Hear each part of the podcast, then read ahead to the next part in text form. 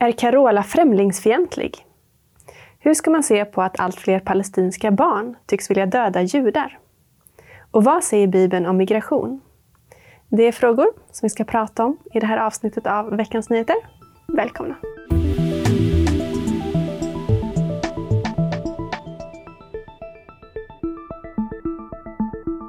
Varmt välkomna till det här avsnittet av Veckans Nyheter med mig Sara Andersson och bibelläraren och ledarskribenten Sven Almqvist. Tack, tack. Har du haft en bra påsk? Det tycker jag. Varit ute och haft eh, sammankomster av olika slag på västkusten. Mm. Du då? Jag har varit på helt andra håll, nämligen uppe i Abisko-trakten och åkt turskidor på fjället. Okej, okay. jag var på västkusten. Jag valde den varma delen. Precis. Ja, vi ska börja med att prata om att Carola har hamnat i någon mm. form av mediestorm efter att ha uttalat sig om segregationen och gängvåldet. Det var i en intervju med Svenska Dagbladet som de här frågorna kom upp. Mm. Och då sa Carola så här. Jag tycker inte att man kan säga kom och lev som ni vill i vårt land. Det är inte fegt att värna Sveriges traditioner och sjunga den blomstertid på skolavslutningarna. Ibland blir jag helt förtvivlad över utvecklingen. Vi ser ju resultatet. Mm. Reporten frågar då vad det är för resultat som Carola mm. syftar på. Och då svarar hon så här. I form av skjutningarna. I form av polisen som bara ropar på hjälp. Vi släpper in och ska vara snälla mot människor som har en helt annan ideologi, där det till och med står i deras skrifter att det är okej att ljuga för otrogna. Nu är vi inne på riktigt tuffa puckar, men så är det. Det är därför Iran ser ut som det gör idag. De säger vi dödar inga. Det gör de visst. De har förvridit sanningen. Efter att det här publicerades har flera mediepersonligheter kritiserat Carola och kallat henne för främlingsfientlig mm. eller muslimhatare. Andra har kommit till Carolas försvar och mm. menar att hon bara säger det som alla tänker och att vänstern kommer med personpåhopp så fort man mm. kritiserar migrationspolitiken. Många påpekar också att de som kritiserar Carola knappast har gjort något konkret för flyktingar, medan Carola själv har åkt ner till flyktingkrisens Grekland och mm. tagit emot flyktingar i sitt hem. Carola själv säger att hon ber om ursäkt om någon har tagit illa upp, mm. men att hon också tycker att det verkar som om vi har svårt att se nyanser. Vad säger du om det här? Alltså det är ju någonting i svensk debatt Eh, kultur som är skevt. Jag var faktiskt och kollade nya glasögon, jag kom få nya glasögon framöver för jag råkade sätta mig på den här. Inte så intelligent. Men, äh, men alltså, äh, men det Carola säger här, det är ju, tittar man på vad hon säger, det, det är ju inte några märkliga uttalanden. Och jag tror majoriteten kan säga, ja, det är väl ungefär så man kan säga. Men då kommer liksom en kulturelit här. Eh, det var någon som uttryckte skrikvänstern, det får ju stå för det. Men alltså liksom någonstans panikslaget och liksom ska lägga främlings, eh, främlingsfientligt epitetet på henne. Eh, det är, som att, det är som att en lins är snett. Va? Alltså man ser inte verkligheten som den är, utan det blir, det blir skevt allting. Va? Sen nämner hon också Iran till exempel. Hon har ju varit engagerad i det. Jag menar, det är ju uh, unga människor och kvinnor som far illa i Iran. Vi kan inte ens skylla på Jimmie Åkesson den här gången. Alltså, utan det hon säger är att hon reagerar på det och det tycker jag man ska kunna få säga mm. i Sverige. Eh, men, men det är som att PK-fascismen, alltså den politiskt korrekta fascismen tillåter inte det. Alltså man, det är så ömma tår. Man måste ju kunna få problematisera. Till exempel Sara, om du skulle råka illa ut av någon anledning och du skulle besöka mig och min fru hemma i Sigtuna, har du aldrig gjort, men om du skulle göra det och vi skulle känna, att vi öppnar upp vårt hem för Sara, hon har farit illa av olika skäl, som kanske inte är ditt fel. Och vi välkomnar dig hem till oss och säger vi ska, vi ska ta och hjälpa dig. Och så kommer du med smutsiga kläder och smutsiga stövlar. Då är det klart att då är det ju vår, och du säger jag ska minsann få kliva in i ert hem med smutsiga stövlar. Nej Sara, här får du faktiskt följa vår och vi hjälper dig. Vi ordnar så att du ska få ett eget rum och, och allt detta. Men du får följa våra regler.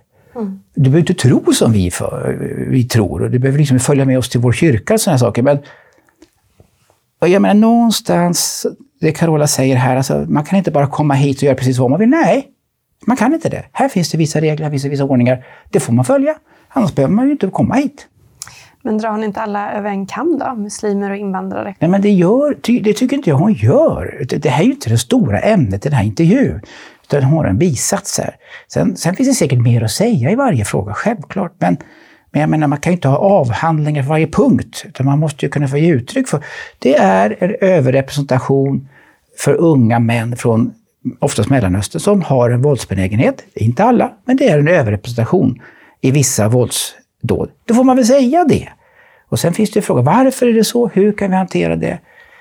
Men ibland känns det som att den politiska eliten är mer intresserad av maktanalyser än sanningsfrågor. Jag vet inte om hon tänkte på påskupploppet här förra påsken, 2022. Det var liksom inte buddister, kristna och judar. Som, det var en annan religion. Det finns mm. någon form av våldsbenägenhet, i alla fall vissa grenar i islam. Och det är väl det hon ville få fram, att det finns baksidor. Ja, det gör det. Mm. Varför tror du att det blir så starka reaktioner när en kändis säger något sånt här i Sverige? Då? Ja, men det måste ju ha att göra med att Carola har ju en stor... Det är många som gillar Carola.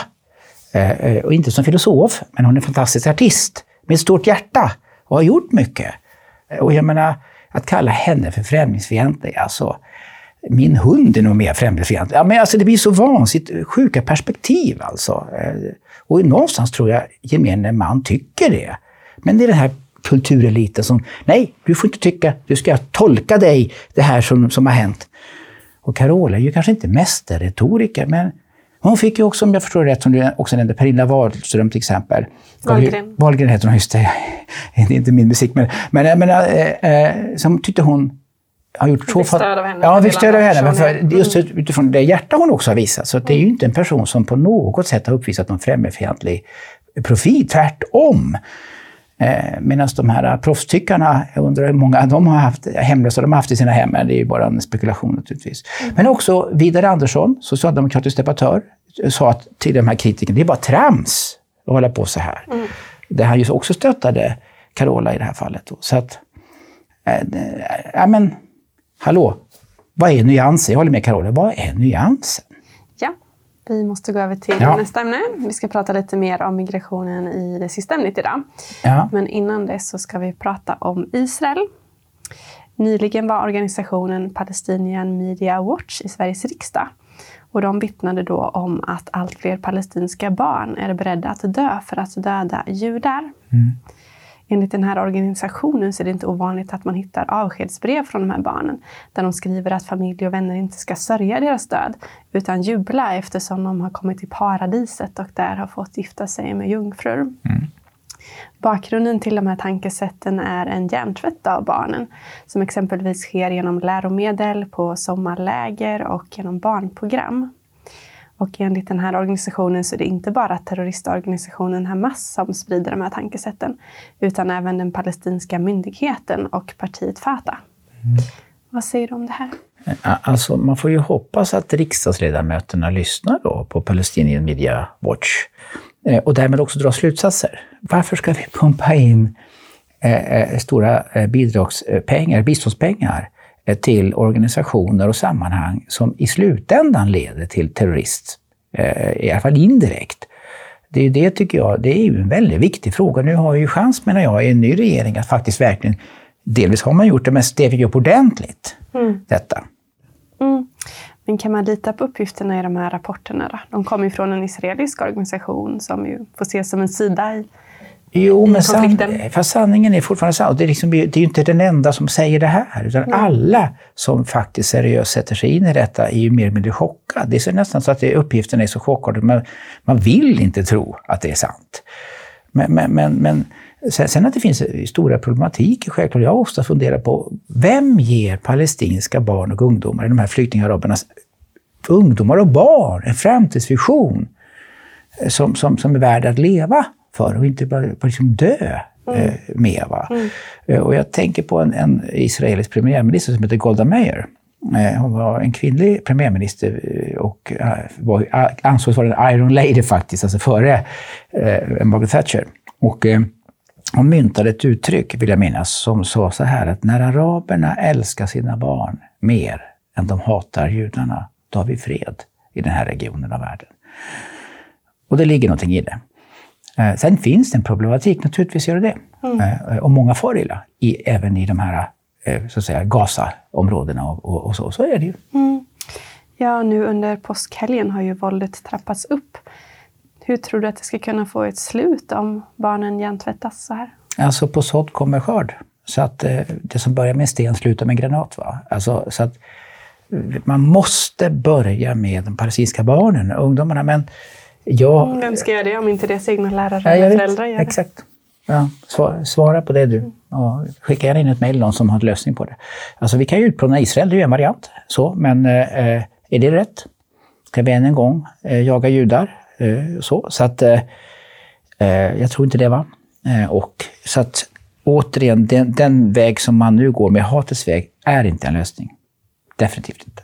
Mm. I påskhelgen har det också skjutits raketer mm. från Gaza, Libanon och Syrien mot Israel, vilket har besvarats med flygangrepp från mm. Israels sida. Men det har också varit rena terrorattentat mm. mot civila personer i Israel. Delvis genom att en bil körde in i en folkmassa i Tel Aviv, vilket gjorde att en turist dog och flera personer skadades. Mm. Och delvis genom att två brittisk-israeliska systrar och deras mamma mm. sköts ihjäl i ett annat terrordåd. I svenska medier har det här delvis beskrivits som motattacker mm. från palestinskt håll. Mm. Vad säger du om det? Ja, men det var precis det vi snackade i, om det med Carola. Linsen. Va?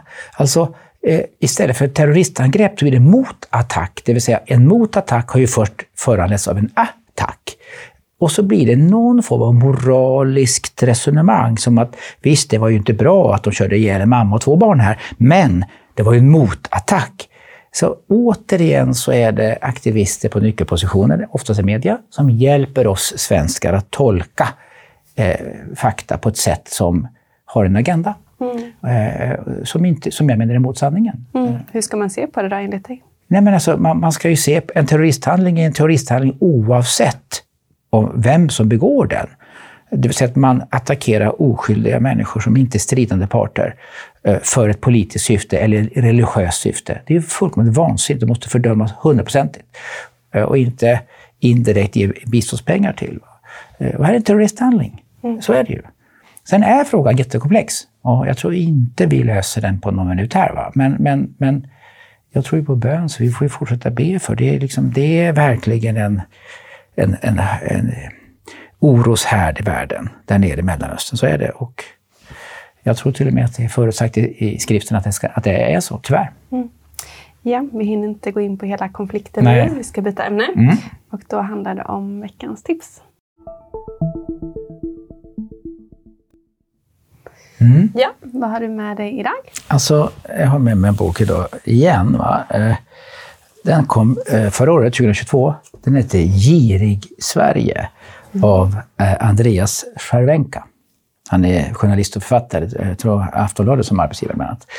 En fantastiskt intressant bok. Alltså, där, vet du om att det finns 400, eh, runda slängar 450 miljardärer i Sverige? Det finns inget annat land i världen, alltså Sverige är topp tre av antal miljardärer utslaget per capita. Och Sverige är världens mest ojämna land ekonomiskt. Det tror man ju inte i denna socialistiska äh, äh, land. Och det finns väldigt intressanta mm. skäl för det. Jag ska inte säga så mycket om det, för jag får inte säga för mycket för dig. Jag kan bara säga så här. här 0,07 promille av svenska vuxna människor, alltså 542 miljardärer, äger mer än 80 procent av alla vuxna. 6,2 miljoner. Mm. Så att några få roffar åt sig enorma pengar. Och det kan man göra i Sverige. I Sverige kan man inte bli rik av att arbeta, men man kan bli rik, eller kunna bli det för att låna mycket pengar, köpa fastigheter och andra saker. Det finns också väldigt duktiga eh, entreprenörer bland de här miljardärerna. Men det är ett paradis för eh, människor som har kunnat roffa åt sig väldigt mycket. Så att, eh, det här är en intressant bok. Mm. Eh, så lika mycket som jag vänder mot eh, vänsterliberala så vänder jag mig mot eh, roffarkapitalism. Alltså. Ja, du har ju sagt att du är intresserad av kommunismen, kanske den sidan som kommer fram. Ja, men jag är intresserad av alla ideologier, men också att förkasta felaktigt. Och kommunismen har ju sannerligen inte lyckats. Men däremot är jag mot råkapitalism, lika väl som kommunism. För det funkar inte. Jag anser att man ska ha ett rättfärdigt liv där den enskilda människan har chans att kunna bygga sig en god, god, framtid. Och någonting är sjukt i det här samhället när vi kan skapa sådana här miljardärer som i, i, stora delar också undviker skatt, ska sägas. Mm. Tack så mycket för det, Sven. Mm. Vi ska gå över till nästa ämne. Mm. Och då handlar det om en teologisk fråga.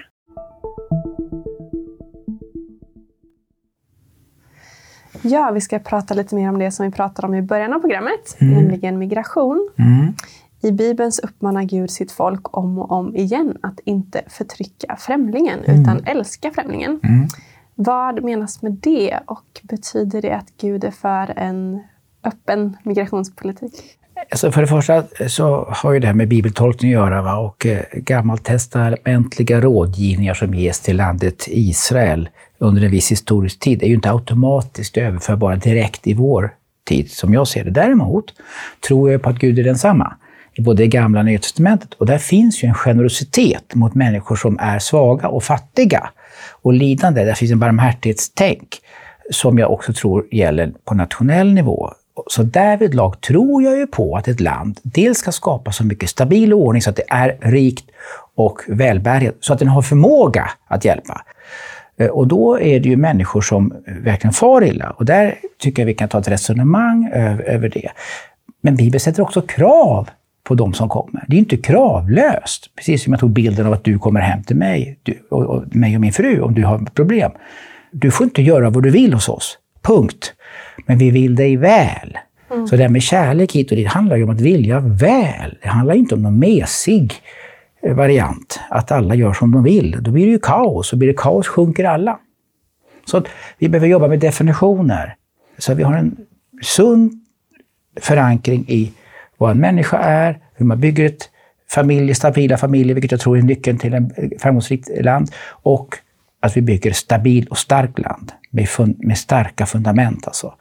Där ju moral och, eh, eh, och, och trofasthet är viktiga nyckelbegrepp. Och också disciplin och ordningar. Man kan faktiskt våga säga till folk, det där är fel. Det här gör du inte här.